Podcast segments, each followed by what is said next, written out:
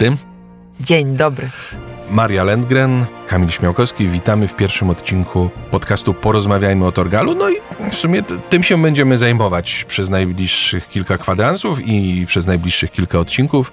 Okazja jest sympatyczna, bo Torgal y, wziął był i znowu się wyszedł po polsku w wersji pełnej ale nie będziemy się koncentrować li tylko na bieżąco na tym, co w tym momencie znajduje się w kioskach, tylko chcemy poopowiadać o całej sadze i, twórcach i, i wszystkim, co jej dotyczy. Ja bym powiedziała, że my o Torgalu rozmawiamy bezustannie, ale teraz po prostu możemy to wreszcie tak. zarejestrować. Tak, rozmawiamy o Torgalu od lat w najróżniejszych y, układach towarzyskich. Od kilku ładnych dekad y, tym Torgalem się pasjonujemy, zajmujemy i tak dalej. Ty co zrobiłaś? Ty zrobiłaś, y, ty współpracowałaś przy tej wystawie, która teraz jest?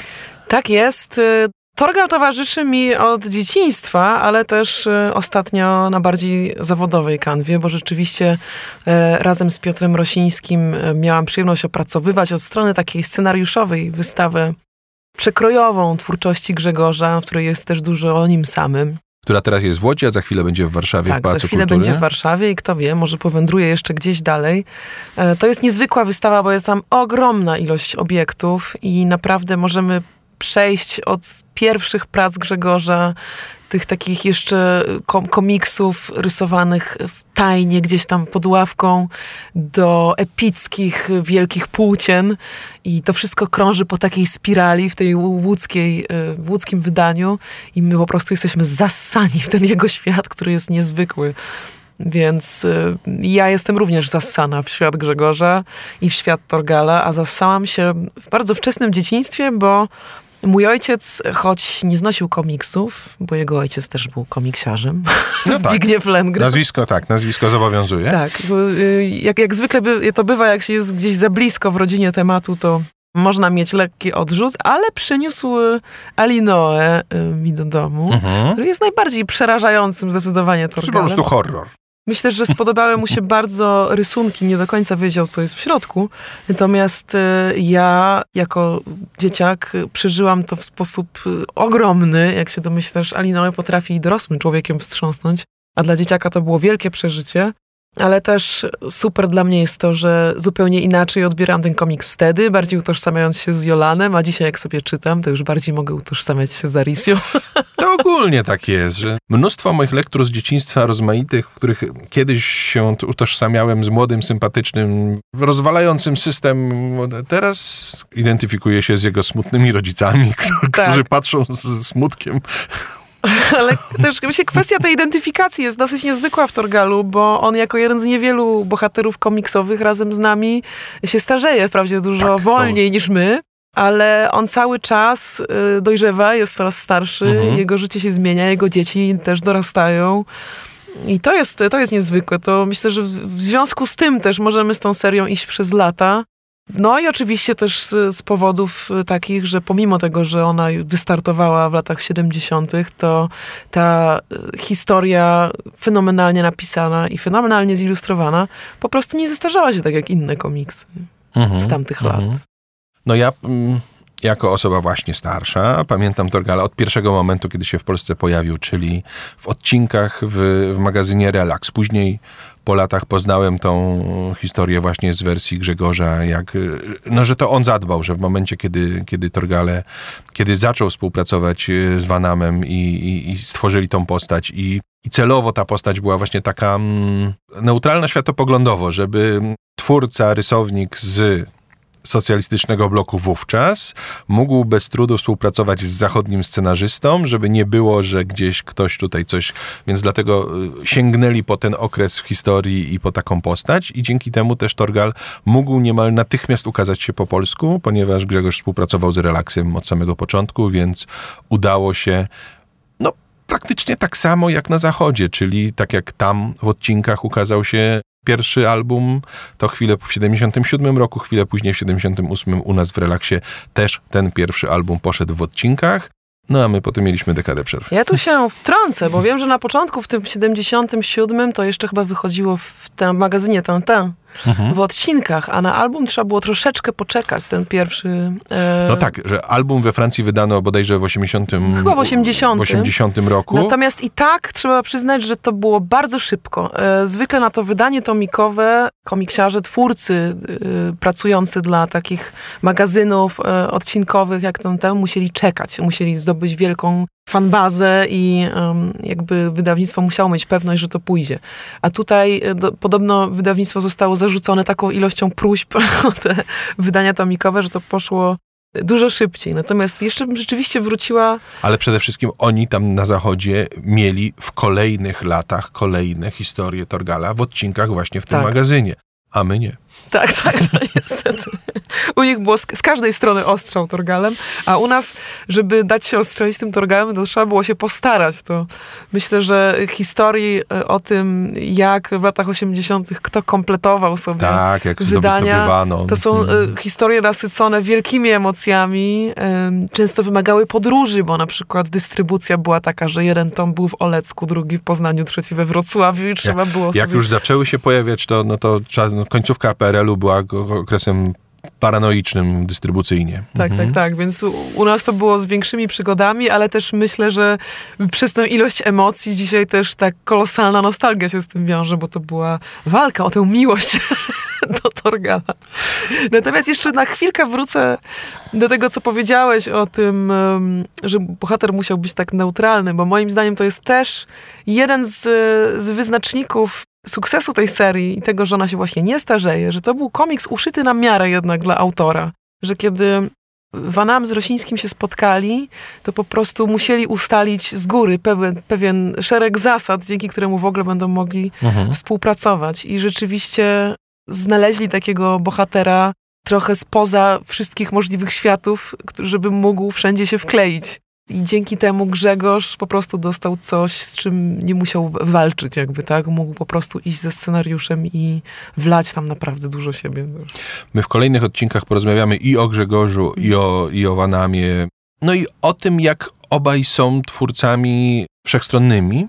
Stworzyli opowieść, która z jednej strony no niby jest określona, mówimy o wikingach i tam, nie wiem, no powiedzmy wczesnym średniowieczu, e, ale z drugiej strony mamy tu albumy, które e, są po prostu realistyczną historią przygodową, mamy albumy, które są po prostu, jest po prostu science fiction w czystej postaci, mamy albumy, które są tam mity, bogowie, fantasy w najróżniejszych przejawach.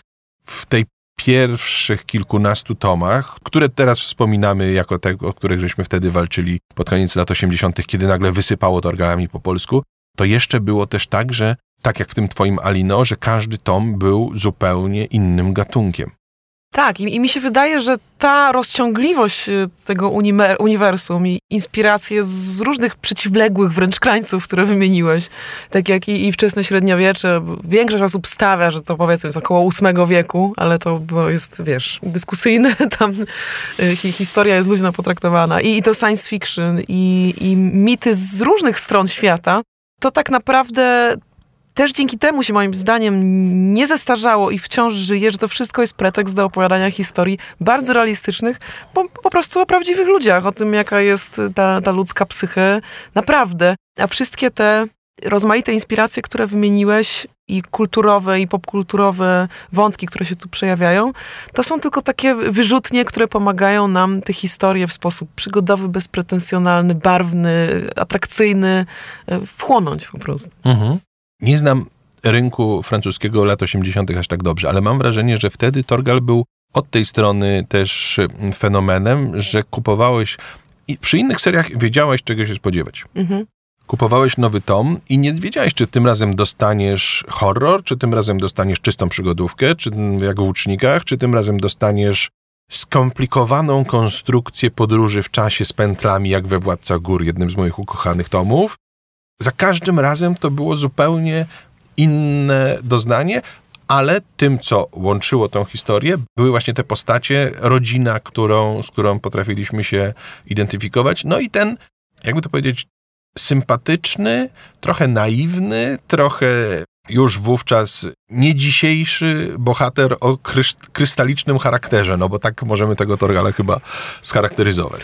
Tak, ja myślę, że też to, że każdy tom był inny i nie wiedzieliśmy się czego spodziewać, to jest właśnie element tego szycia na miarę, bo w różnych wywiadach y, y, Vanam napominał, że to nie tyle był zabieg marketingowy, żeby widzowie, czytelnicy z wypiekami na twarzy się zastanawiali, co ich dalej czeka, tylko po prostu specjalnie jakby ulepił takie uniwersum nieskończonych możliwościach, żeby im się nie nudziło, bo wiedzieli, że to będzie saga, a saga, żeby się nie, nie znudzić i żeby wciąż tam był powiew świeżości no to musi mieć wiele różnych możliwości i to był super pomysł, który się bardzo dobrze sprawdził, bo, bo jako saga to Rogal wciąż się rozwija i nic nie wskazuje na to, żeby się miał zwijać w najbliższych latach. Więc... Obaj, obaj twórcy już się emerytowali, ale ich następcy uparcie tak, rozwijają tak. to na wszystkie możliwe strony. Właśnie powiedzmy, na chwilę tu się zatrzymajmy, żebyśmy powiedzieli w ogóle o co chodzi z tą kolekcją, bo kwestie organizacyjne.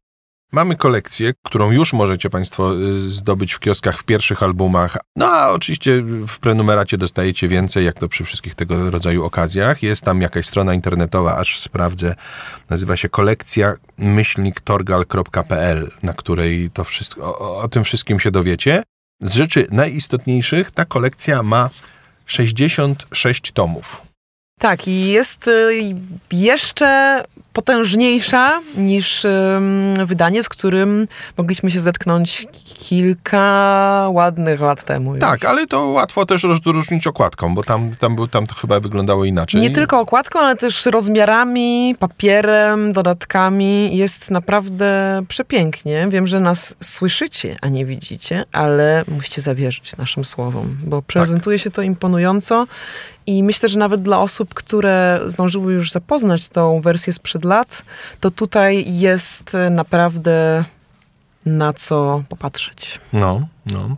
Ja jako oczywiście przede wszystkim fan historyjek cieszę się, że jest, że do, dociągnięto tak daleko, no bo mamy 40 tomów podstawowej serii plus pełne trzy serie, te dodatkowe, czyli Chris de Valnor, e, Love i Torgal Młodzieńcze lata. No właśnie, zwłaszcza myślę, że fajnie jest zerknąć na te mm, serie poboczne dla osób, które już doskonale, czy z przeszłości, czy z ostatnich lat znają główną serię, bo jednak spojrzenie wnikliwe na postać Chris, czy na postać Love, czy młodego Torgala pokazuje najlepiej tą rozciągliwość, o której gadaliśmy mhm. i możliwości, jakie są w tych postaciach, które jakby, tak jak mówiłeś, że no, Torgal jest, był już wtedy, kiedy powstawał, trochę nie dzisiejszy, bo jest takim uniwersalnym bohaterem, nie walczy z mroczną stroną, jak dzisiaj każdy heros. Tak, on po prostu wie, co jest dobre i robi. Tak, on wie, co jest dobre i, i robi to, co ma robić, natomiast y, wspaniale się rozwija właśnie w zestawieniu z innymi postaciami w tej serii i jego cechy charakteru się uwidaczniają właśnie w zderzeniu z Chris, w zderzeniu z córką Luf, czy z synem Jola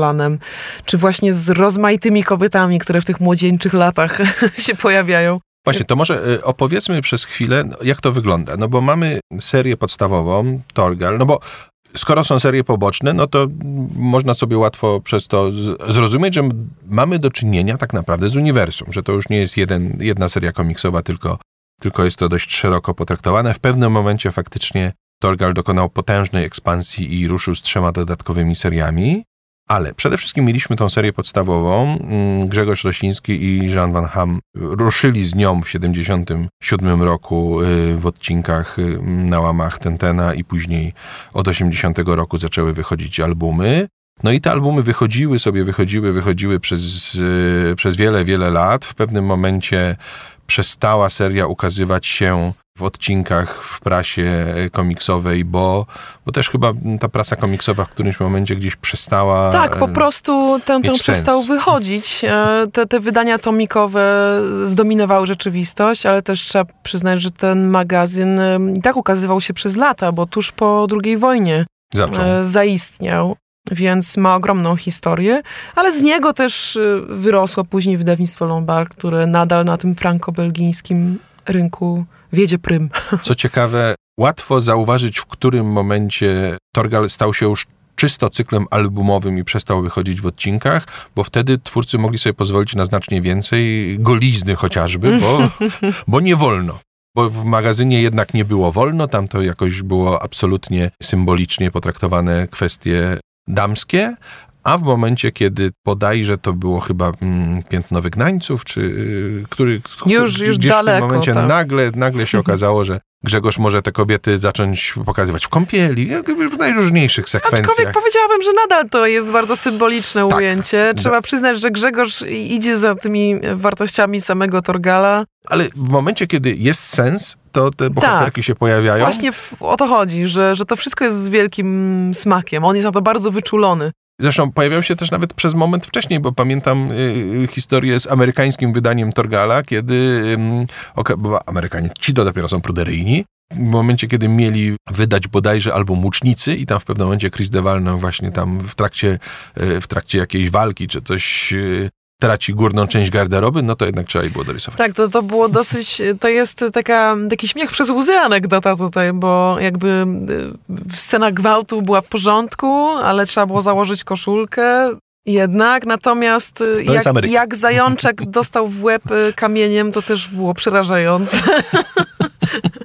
To jest taka seria, z którą faktycznie można dorastać, y, że wiesz, y, miałam taką myśl z tyłu głowy, że ktoś usłyszy o tej cenzurze, to się przerazi, że może to jest nie dla każdego. Ja myślę, że dla każdego czytelnika, który już em, zaczyna rozumieć wartość relacji międzyludzkich, to wtedy Torgal nie będzie go nudził. I to jest jakby jedyny wyznacznik, no, od jakiego wieku można to czytać, moim zdaniem, bo y, nie ma tutaj e, ani przemocy porównywalnej, wiesz, z komiksem amerykańskim, gdzie ludzie obrywają sobie głowy po prostu i latają flaki. Znaczy, w momencie, kiedy pojawia się przemoc w Torgalu, no to jest to przemoc, y, wynika to w jakiś sposób z konwencji i służy opowieści, a nie działa, nie, nie, nie istnieje tylko dla samej, dla samego epatowania ekstremu. Tak, no Torgal nie zabija, to, to trzeba mieć... Jak e, Batman. Tak. Wprawdzie, wprawdzie jest e, scena, w której tego dokonuje, ale po uczciwym pojedynku i z naprawdę poważnym powodem do zemsty. Znaczy tak, no Torgal mm, w walce zdarza mu się zabijać, ale, ale ogólnie rzecz biorąc nigdy nie godzi się na żadne niekulturalne propozycje. Tak, nigdy nie dla pieniędzy i nie, nie jest na pewno wędrownym e, e, łowcą potworów, tak Tak, nigdy nie zabija nieuzbrojonego przeciwnika, choćby to nie wiem jak, z- nie wiem jak zły był i tak dalej, i tak dalej. Ma swoje zasady, które wydają się wręcz już tam, tamtym, w tamtych czasach i tamtym pozostałym postaciom wydają się już nie dzisiejsze, a co dopiero dzisiejszym odbiorcom współczesnej popkultury. To ja myślę, że największy dowód na to, jak bardzo jest wytrwały w tych swoich zasadach, że nie zabijanie, to to, że nie zabił nigdy Chris za to całe zło, które Tak. mu wyrządziło.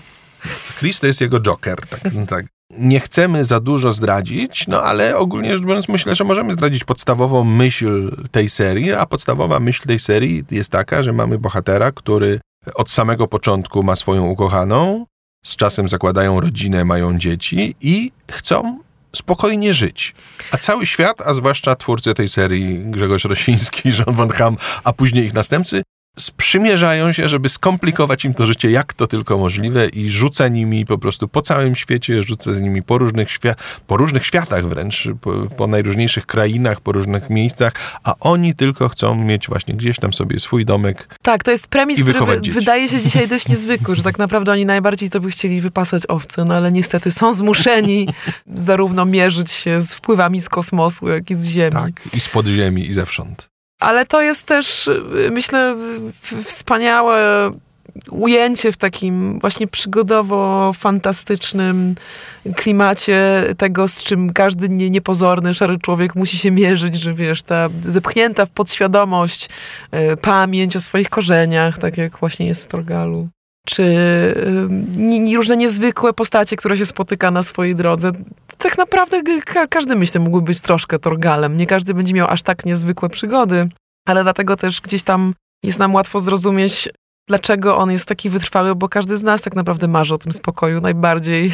Mhm. Może nie każdy, ale Ale większość z nas. większość. e, A przynajmniej a- ma, ma, mamy takie momenty, kiedy a- a chcielibyśmy jednak- wreszcie spokoju. Tak, a jednak ten, to, to, to życie, ten los się nam rzuca do gardła. Mhm. E, I też bardzo wzruszający jest dla mnie moment, w którym Torgal e, próbuje tego przeznaczenia się pozbyć i płaci za to jeszcze gorszą cenę niż taką, jaką jest walka z nim na co dzień. Ale tutaj już zdradzam wam dużo, Tak, to zwłaszcza własnych interpretacji, więc zatrzymam się. Do tego dojdziemy w którymś odcinku być może, a porozmawiamy właśnie jeszcze o tym, jak to wygląda. Czyli mamy y, Torgala, mamy jego ukochaną Aricie imiona, które mm, zdobyły dużą popularność w Europie po tym, jak ta seria nabrała rozpędu. Mamy parę ich dzieci, Jolana i, i właśnie to, to się z francuska wymawia, że ja nie, nie, jestem do końca pewny, czy dobrze wymawiam. No wiesz, ja zawsze rozmawiam z, z najczęściej rozmawiam ze znajomymi Polakami jako, mm, jako, że to jest Jolan, ale pewnie Jolan też ktoś powie. Okay. Nie wiem, to się dowiemy. E, dowiemy się pewnie w przyszłych jeszcze odcinkach, w różnych rozmowach z różnymi e, ludźmi. Natomiast ja bym jeszcze wróciła na chwilę do samego Torgala i zanim zaczniemy mówić o całej ich rodzinie, bo ważne jest dosyć ich pochodzenie w kontekście tego, jaka ta seria jest. Bo Torgal e, wprawdzie został wychowany przez wikingów, ale wikingiem nie jest. Tak, Torgal jest... Y, no właśnie tutaj też y, trzeba się zastanowić, jak, jak to... Co, co czynicie wikingiem? Nie, nie. Właśnie, czy, czy, czy wychowanie, czy... Ale nie, mi chodzi... No bo konstrukcja, kim on jest z pochodzenia, też nie jest łatwa, no bo to niby są ludzie, ale to są ludzie, którzy spędzili ileś tam pokoleń na innej planecie, nabrali rozmaitych mocy wręcz. Wyszli z kolebki, jaką była planeta Ziemia tak. i, i, i, spędzili, że tak powiem, x pokoleń, dożywania tych pokoleń już w innej części kosmosu, po czym, jak to do przewidzenia w większości e, science fiction opowieści, wyczerpali wszelkie możliwe zasoby na tych planetach, które skolonizowali i w poszukiwaniu tychże zasobów wracają do kolebki. Tak. A i Torgal słusznie wyczuwa, że tutaj szykują się kłopoty. Tak, no i, mm, i tutaj w różnych albumach dostajemy różne mm, fragmenty tej układanki, ale ogólnie dowiadujemy się, że Torgal właśnie no, ma trochę inne geny. Tak to, tak to chyba należy tak, nazwać. I jakby to, to wiele tłumaczy mm, problemów, z którymi mierzył się jako dorastający chłopak, bo mhm. on był takim przybyszem znikąd, y, znalezionym we, we, wzburzonych mhm. wodach. Nie będę wam zdradzać jak, bo to jest bardzo ciekawy element serii. W każdym razie miał troszkę przerąbane jako dzieciak. Nikt poza Arisją nie chciał się z nim przyjaźnić właściwie został zdegradowany do roli Barda, która była taką dosyć, dosyć żenującym zawodem dla wikinga. Przynajmniej tak to jest ukazane w Torgalu. W momencie, w którym okazuje się, że to nie jest tak do końca jego wina, że on się tam nie mógł odnaleźć, tylko po prostu on jest naprawdę zupełnie inny, e, no to zaczynają się dopiero prawdziwe przygody. I to jest też super punkt wyjściowy do zbudowania tej postaci, e, która jakby jest w tym świecie, mierzy się i widzi po prostu wszystko to, co w nim nie gra, w przeciwieństwie do przysłowiowego barbarzyńcy z, z brodą zaplecioną w warkoczyk, który chciałby tylko palić, rabować, krabić i gwałcić. A Torgal ma no, zupełnie... Wiking, jak to wiking, no. Tak, a Torgal ma zupełnie inne dążenia i ponieważ nigdy nie miał swojego miejsca, to powiedziałabym, że znalezienie tego miejsca, tego azylu dla siebie i rodziny, którą zdobył, której nie miał dorastając, to jest jego właśnie ten motor działań, który jakby nie zmienia się tak naprawdę do końca serii, bo tak jak zdążyłeś powiedzieć, są bezustannej tułaczce i ten azyl im po prostu ucieka wciąż. Tak, no Altorgal jest Konstans. Absolutnie to jest postać, która od pierwszej sceny do ostatniego tomu, jeszcze tych tomów pewnie trochę nastąpi, ale on absolutnie ma cały czas ten sam charakter, ma tą samą szramę, którą zdobywa w, pierwszy, w jednej z pierwszych scen komiksu i po tym go łatwo poznajemy na każdym, na każdym y, rysunku i w każdej sytuacji i, i już. I, I tak naprawdę to on jest tym takim, taką gwiazdą polarną tej serii, że zawsze wokół niego możemy wszystko inne sobie poukładać i, i znaleźć. Tak, no. ja myślę, że poza tym, że jakby bohaterowie długich serii komiksowych się dzielą właśnie na takich, którzy są konstans i takich, którzy jakby ewoluują. ewoluują, to rozmawiałam też kiedyś o tym z Grzegorzem i powiedział, że jemu się marzył taki bohater, który właśnie w tym świecie pełnym transformacji, zwłaszcza jego świecie z czasów, kiedy mhm. ta seria miała swoje początki, żeby taka postać, y, która jest tą gwiazdą polarną, dawała jednak to światełko, wiesz, i tą nadzieję, to, to brzmi trochę patetycznie, ale on odczuwał, że taka postać jest potrzebna. I okazało się, że, że trafił w dziesiątkę. I że Vanam jakby to też y, super, super wyczuł i pociągnął, bo dzięki temu na przykład myślę, ojcowie, matki, którzy dorastali z Torgalem, też podrzucają go swoim dzieciom, żeby ich tym światełkiem zarazić. No bo też tutaj gdyby ważnym elementem jest to, że on jest Konstans, ale równocześnie on się starzeje. Ale jest też motorem zmian. I tak, to jest ale, właśnie... ale też, że się, mhm. się po prostu starzeje, tak. w sensie poznajemy go jako tam dwudziestolatka, A no teraz w 40 tomie, no to już będzie, nie wiem, koło 50, po 40, tak, tak, przynajmniej na pewno. To prawda. Natomiast pomimo tego, że los go konkretnie skopał, to on tego kręgosłupa moralnego nie traci. Tak. Tu się trzyma. No i no i też Alicja, która towarzyszy mu no przez całą Alicję, tą no. drogę, bo naprawdę ich um, miłość zaczęła się od takiego powinowactwa dusz y, w dzieciństwie jeszcze wczesnym. I ona mu towarzyszy całą drogę i to jest taka miłość, y, która się zdarza, myślę, raz na jedno uniwersum. w tym naszym uniwersum okay. ludzkim może też z raz się zdarzyła. No ale ona, ona ewoluuje, no bo ona zaczyna od takiej, mm, to jest po prostu księżniczka. Tak.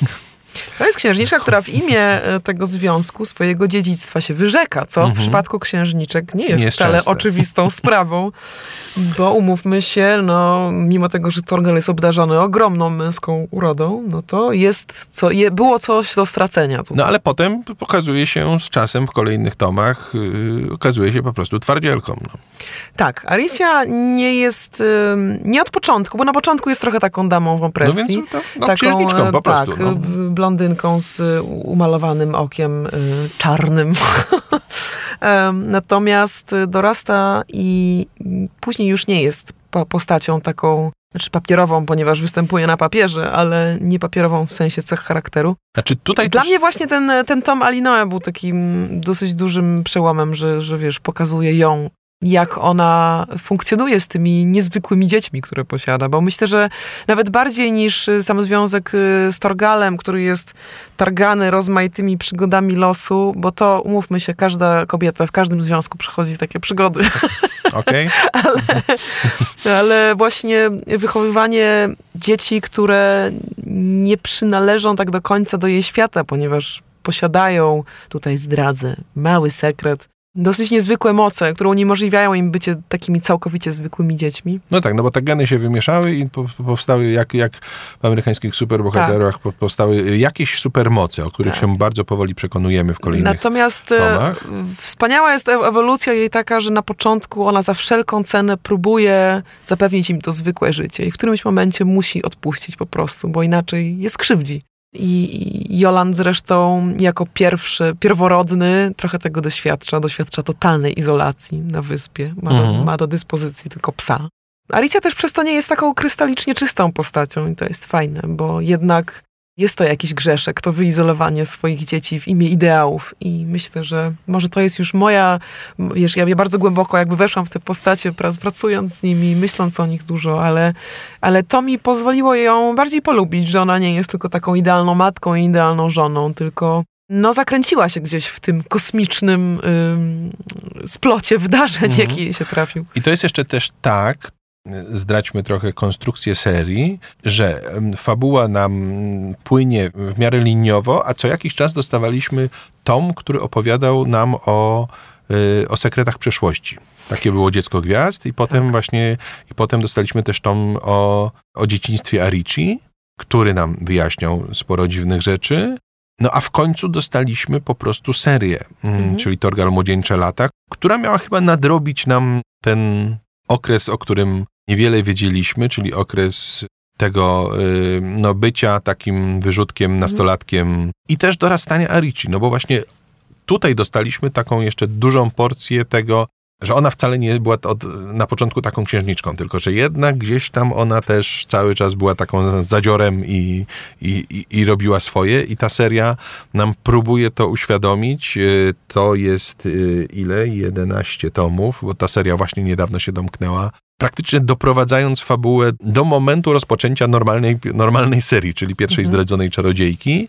No i tak się buduje uniwersum. Tak, ja bym powiedziała, że to jest opowieść drogi, ale o rodzinie mhm. i po prostu ma y, należytą, jak właściwie każda opowieść drogi, do retrospekcji też. I te retrospekcje są tutaj e, bardzo wprawnie wplecione. Bo tak jak powiedziałeś, no oni są stale, stale gdzie indziej. Wyruszają razem w podróż w pewnym momencie.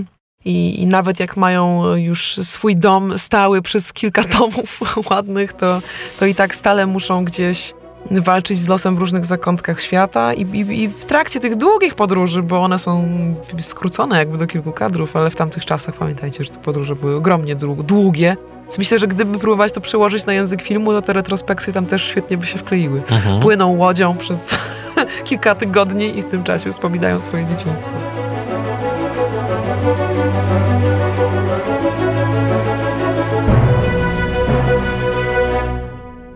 Próbuję cały czas wolnymi krokami mm, stworzyć właśnie jakąś taką opowieść o kontinuum, czyli dostajemy, najpierw mamy Torgala i Aricie, oni ostatecznie mm, udaje im się wytłumaczyć mm, teściowi, że powinni być razem, bo on jest, on jest pierwszym y, antagonistą w tej serii, czyli Gandalf szalony. Już wtedy, w, w latach... Znaczy dzisiaj w ogóle, mm, tak sobie myślę, że dziś hasło Gandalf w momencie, kiedy się już upowszechniły filmowo zwłaszcza y, opowieści Tolkiena tam te 20 lat temu, bo wcześniej były tylko dla fanów fantasy literackiego, to imię Gandalf było takie, no, no okej, okay, niech sobie będzie. Ale dzisiaj właśnie jak ktoś zaczyna czytać Torgala i widzi, że, że czarny charakter nazywa się Gandalf, no to jak tak można w ogóle? No ja myślę, że nie tylko imię, ale w ogóle, wiesz, uczynienie teścia na dzień dobry czarnym charakterem było takie, no, mocne z racji na to, że no, sympatyzujemy też jednak z, przynajmniej ja sympatyzowałam od początku z Erisją, która, no owszem, wie, że jej ojciec nie jest super, ale jest jednak jej ojcem, nie? I tutaj mm, musi trochę walczyć o swoje. Znaczy zwykle to miejsce zajmowała teściowa w większości anegdot, ale... tak, tutaj jest, jest trochę wywrotowych pomysłów. Yy, no i w każdym razie zostają razem, udaje im się być razem, wyruszają razem właśnie w świat. To wyruszenie w świat dość szybko powoduje, że Aricia jest w ciąży mhm. i pojawia się pierwsze dziecko. I gdzieś tam właśnie kilka tomów później pojawia się najważniejsza postać spoza rodziny, tej podstawowej komórki rodzinnej, czyli Chris de Valnor, czyli główny, główna antagonistka absolutna e, całej sagi. No właśnie e, rzekłbym, że taki joker dla, dla Torgala, czyli charyzmatyczna postać kobieca, która nie posiada żadnych skrupułów. I Bardzo delikatnie to ująłeś, podziwiam. Staram cię. No i to jest moment, w którym tak naprawdę większość osób wpada po uszy w Torgala, kiedy pojawia się Chris, bo to jest torpeda po prostu. Świetna łuczniczka. Tak, tak. Ona jest takim, no też oboje z Trogalem mają bardzo trudny background, co jest pokazane w serii i pokazuje, że zupełnie inaczej w dorosłym życiu może się to rozwinąć, że zupełnie inne cechy osobnicze można nabyć z, z podobnym, że tak powiem, poziomem odrzucenia, choć zaryzykowałabym stwierdzenie, że Chris miała dużo bardziej przerąbane niż Torgal mhm. mimo wszystko.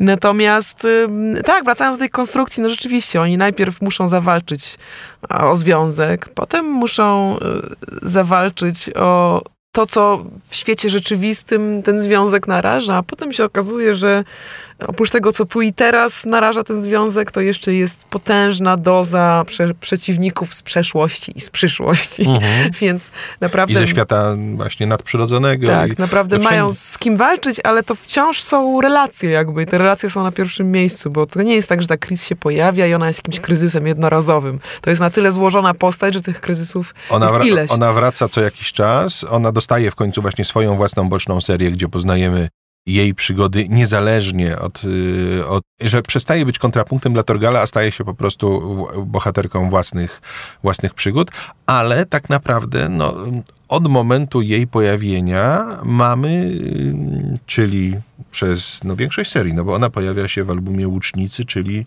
w dziewiątym albumie, a mamy tych albumów do dziś 40, nie licząc tych bocznych serii, czyli przez trzy czwarte serii mamy do czynienia tak naprawdę, no z trójkątem miłosnym. No, tak. bo, no bo to o to w tym wszystkim chodzi, że tu mamy żonę, matkę, sympatyczną blondynkę, z którą jesteś, a tu mamy kobietę czarnowłosą, wredną babę, która cały czas kusi cię do złego w różny sposób i... E, jest ekscytująca, tak. zabiera cię na przygody. Jest, czy chcesz, czy nie chcesz. Tak, ale to jest y, jakaś taka myślę, głęboka refleksja trochę też nad męską naturą, że nawet jak ktoś marzy o rodzinie, tego jednak gna trochę w ten świat ku przygodzie, ku, ku zdobywaniu świata. No to jest oczywiście interpretacja gdzieś tam moja już po wchłonięciu całej serii, ale wydaje mi się, że Torgal tak naprawdę to chce jednego i drugiego, być może. Pewnie autorzy by mi powiedzieli, że wcale nie. Ale od tego są autorami, żeby tak mówić. No. Natomiast y, no, Chris ma ogromny wpływ na, na całą serię i rzeczywiście w momencie, w którym ona się pojawia, Łucznicy, Kraina Kuła, Oczy Tanatloka, miasto zaginionego Boga między ziemią a światłem, później właśnie ta retrospekcja Arisi, Władca Gór i, i, i Wilczyca, która jest taki też y, super zwieńczeniem takiej drogi, którą Alicja przechodzi. To jest jakiś taki złoty okres w ogóle. Te tomy sprawiły, że tak nagle też liczba czytelników Torgela zaczęła wzrastać, bo to był, były ogromne skoki. W sensie w latach 80. rzeczywiście było sporo fanów, jak na serię, która do niedawna była tylko odcinkowa, ale potem z, z czasem, co kilka lat, to były skoki takie o, o, o 100, 200, 300% po prostu mm. liczby czytelników. Ale mówisz o Wil, Wilczy, jako ostatni album z tego wymieniłaś Wilczycę, czyli Narodziny drugiego dziecka, czyli tak. wtedy już rodzina się stat, powinna ustatkować. Nie, nie, po prostu wtedy, wtedy trochę się też, myślę, zaczęła z, z, zmieniać jakby mm, sort problemów, z którymi się mierzą. No, no więc właśnie, no, tak. zmieniły, zmieniły się relacje w momencie, kiedy to już się stało nie mm, parą z dzieckiem, a uczciwą czteroosobową rodziną, to, no, to trzeba jakoś inaczej spojrzeć na świat. Tych zagrożeń wtedy już jest tyle rozmaitych, że czasami człowiek się nie wyrabia, już nawet krasnoludki nie pomogą. Chociaż próbują. ja w ogóle uwielbiam krasnoludki w Torgalu i właśnie to, że jest w nim dużo takich drobnych przyjemności, które dopiero za którąś, którymś podejściem do lektury zaczyna mhm. się doceniać. Krasnoludek y, Taizi, Tiazi? Tiazi. Tiazi. On jest niby, niby, taką postacią, która się pojawia parę razy, a jest fenomenalnym jakimś filozofem, który tam potrafi i pomóc, i dowalić Torgalowi jak trzeba, i takim do, dobrym duchem gdzieś, który się przejawia cały czas. Albo na przykład y, powóz jeży, którymi jeżdżą krasnoludki. To są takie, wiesz, tak. rzeczy, których ja nie, nie, nie zauważyłam prawdopodobnie nawet za pierwszym razem. Wchodząc głęboko w tą serię, jest tam naprawdę tyle rzeczy, którymi można się cieszyć. Mhm. Y, I to uniwersum jest tak pojemne, że wiesz, no są to oczywiście te główne postacie, o których cały czas mówimy. Torga, Alicia, Chris, Jolan i Luf, o którą niedawno zahaczyliśmy. Ale jest naprawdę cała masa świetnych postaci. Właśnie, to jeszcze skończmy y, to porządkowanie na lów, czyli to jest drugie dziecko, mhm. córka, która rodzi się w Wilczycy, potem rośnie. Drugie dzieci zawsze mają łatwiej. Ona dostaje od razu swoją własną serię komiksową. no i pojawi, pojawił się właśnie spin-off o jej przygodach jako no, kilkuletniej dziewczynki takiej, bo ona nawet jeszcze nie jest nastolatką w tej serii. I ta seria i, i, i ten cykl ma bodajże raz, dwa, siedem tomów, też w całości będzie w kolekcji. No a potem wraca już do głównych przygód. I, mm-hmm. bo, bo, te, bo te, obie te serie poboczne, czyli Chris de Valnor i, i Luf, one się z czasem łączą z tą główną fabułą, że jak gdyby wchłaniają się z powrotem do, do głównego cyklu i teraz, i teraz jesteśmy w tym miejscu, kiedy mamy ten znowu po prostu jeden główny cykl, w którym jest Torgal, jest y, jego rodzina, no i jest Chris de Valnor, która wraca jak zły szelong po prostu co, co jakiś czas i, no i nie jest sama, no ale to no, już nie zdradzajmy zbyt, zbyt wiele tych szczegółów, no bo, bo lektura tych 66 tomów to, to przed wami wszystko. Tak, natomiast y, super, że Luf dostała własną serię, bo Jolan jest ogromnie ważny, w, w, zwłaszcza w tej drugiej połowie, powiedzmy, głównej serii. Natomiast y, Luf taką bardziej miała rolę epizodyczną, a ona fajnym jest takim katalizatorem dla mnie cech Torgala, które są w nim zepchnięte gdzieś na trzeci plan. To znaczy ona od mhm. razu, jak się rodzi, jest taka trochę mniej krystaliczna niż, niż ta rodzinka nasza, niż y, jakby prawy Torgal, prawy Jolan i prawa Alicja.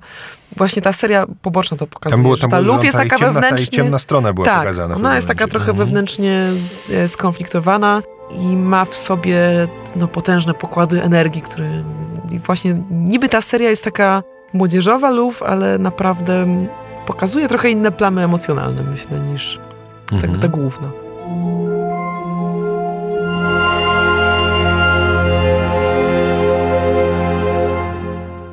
No dobrze, czyli mówię, mamy podstawową komórkę rodzinną czteroosobową, mamy świat, w którym cały czas gdzieś tam coś knuje mm, główna czarna charakterka, czyli Chris de Waldor. Mamy, no przede wszystkim mamy też świat, no bo ten świat jest y, w dużej mierze naszą rzeczywistością, ale potraktowaną trochę swobodnie, tak to nazwijmy. Bo to załóżmy, że to jest ten ósmy wiek, załóżmy, że to są faktycznie wikingowie, czyli gdzieś tam ta Skandynawia, ale bohaterów a to rzuca nie ukrywajmy tego, do Ameryki. A to rzuca ich y, gdzieś tam na Bliski Wschód, a to do Afryki. No. Ale jednocześnie jest też ta kosmogonia jakby mitologii nordyckiej też w to zamieszana, bo jest i świat gigantów, i świat krasnoludów, e, równoległe jakby wymiary.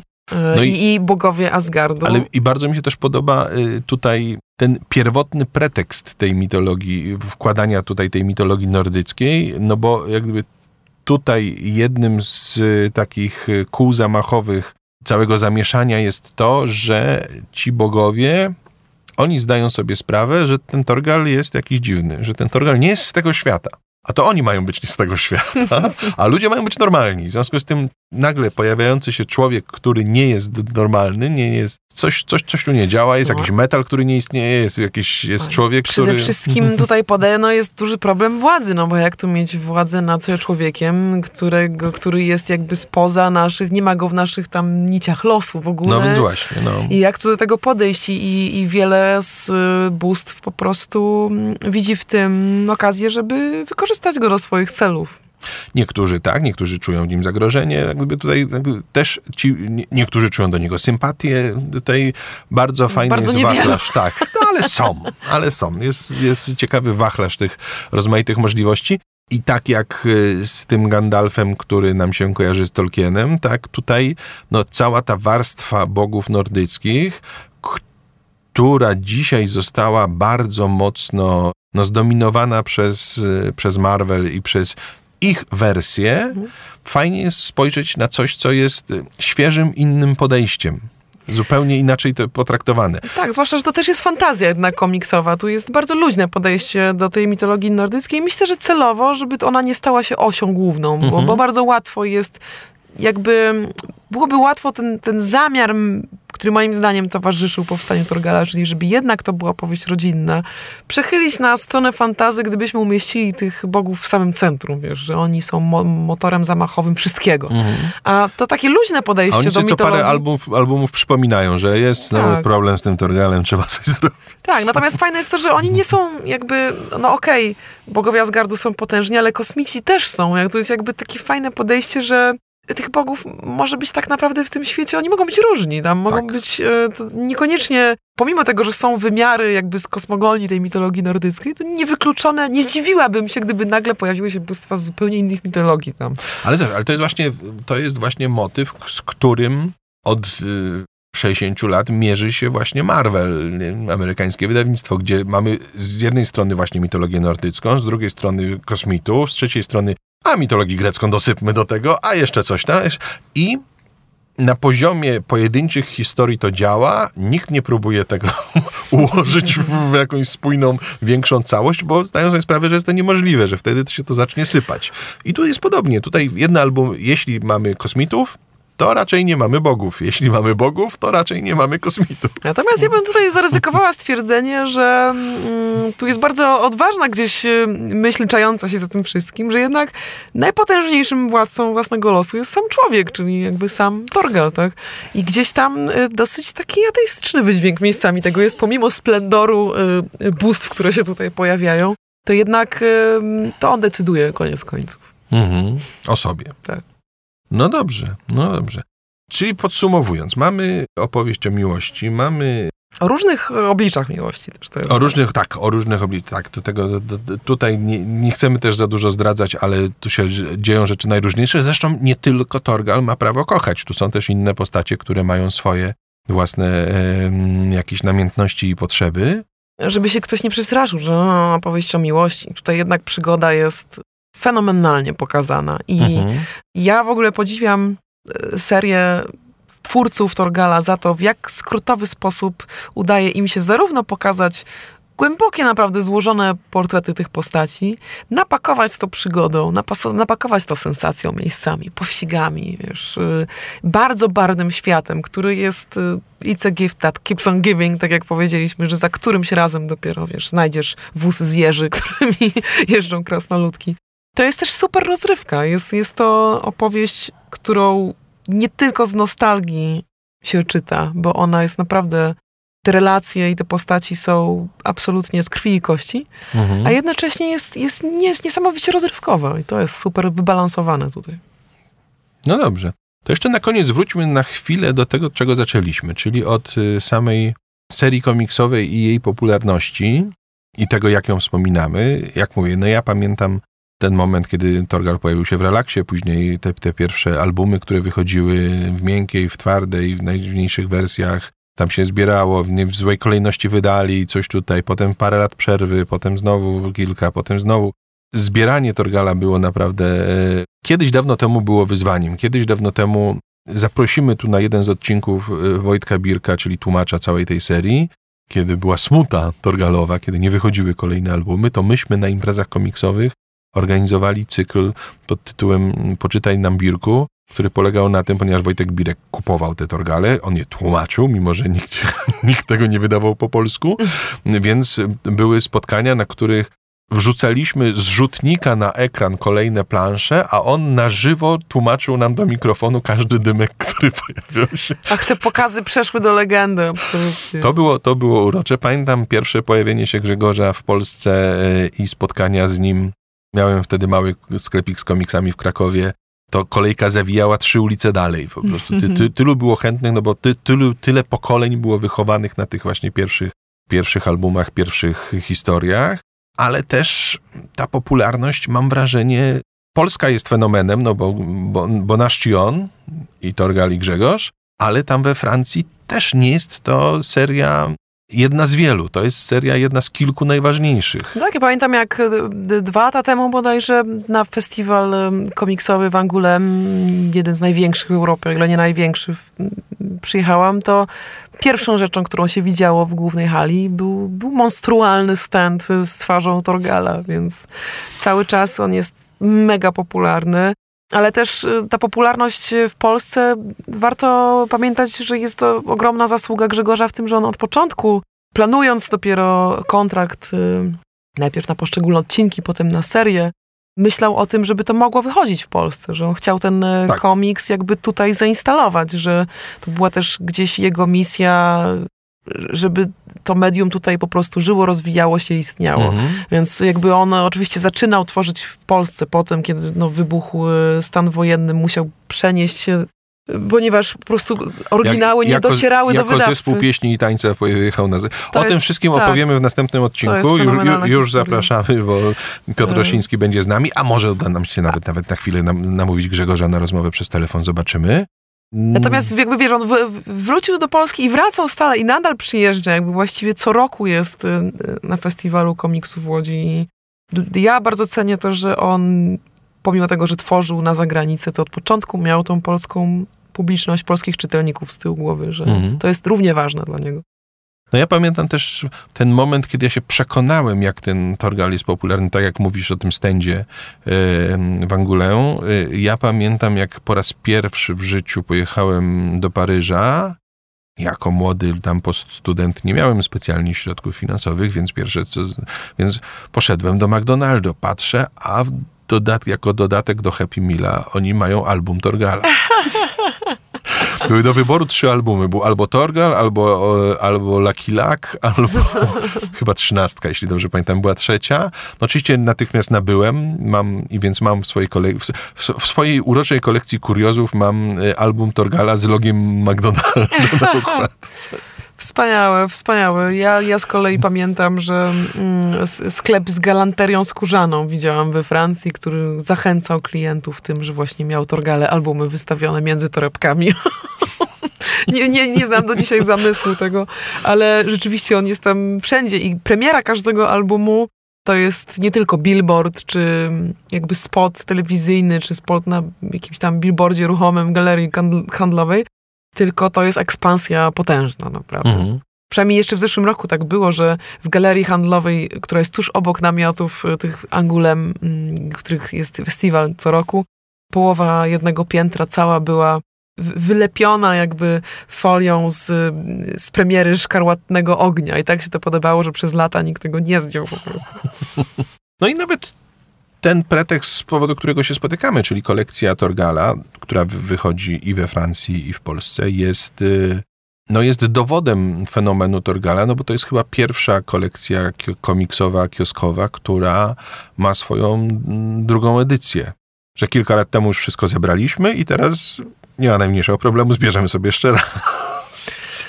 Tak, ja myślę, że, że duży jest, um, oprócz oczywiście osób, które kupują sentymentalnie, czy... czy komplecistów, którzy komplecistów. muszą mieć wszystkie możliwe wydania z tak. każdego tak. możliwego roku, bo, bo, bo, bo, bo muszą. To też e, myślę, duże znaczenie ma to, że jakby każdemu kolejnego kolejnemu pokoleniu można tego Torgela przedstawić po mhm. prostu. Oczywiście nigdy nie wiadomo, co chwyci, ale tu są, tu są jakby... Tyle, uni... tyle jest haczyków, że któryś chwyci. Tak, e, ale jest na tyle po prostu uniwersalny i, i pojemny, że nie ma przeciwwskazań jakby żadnych. Można, można żywić kolejne pokolenia Turgalem, ich mhm. umysły.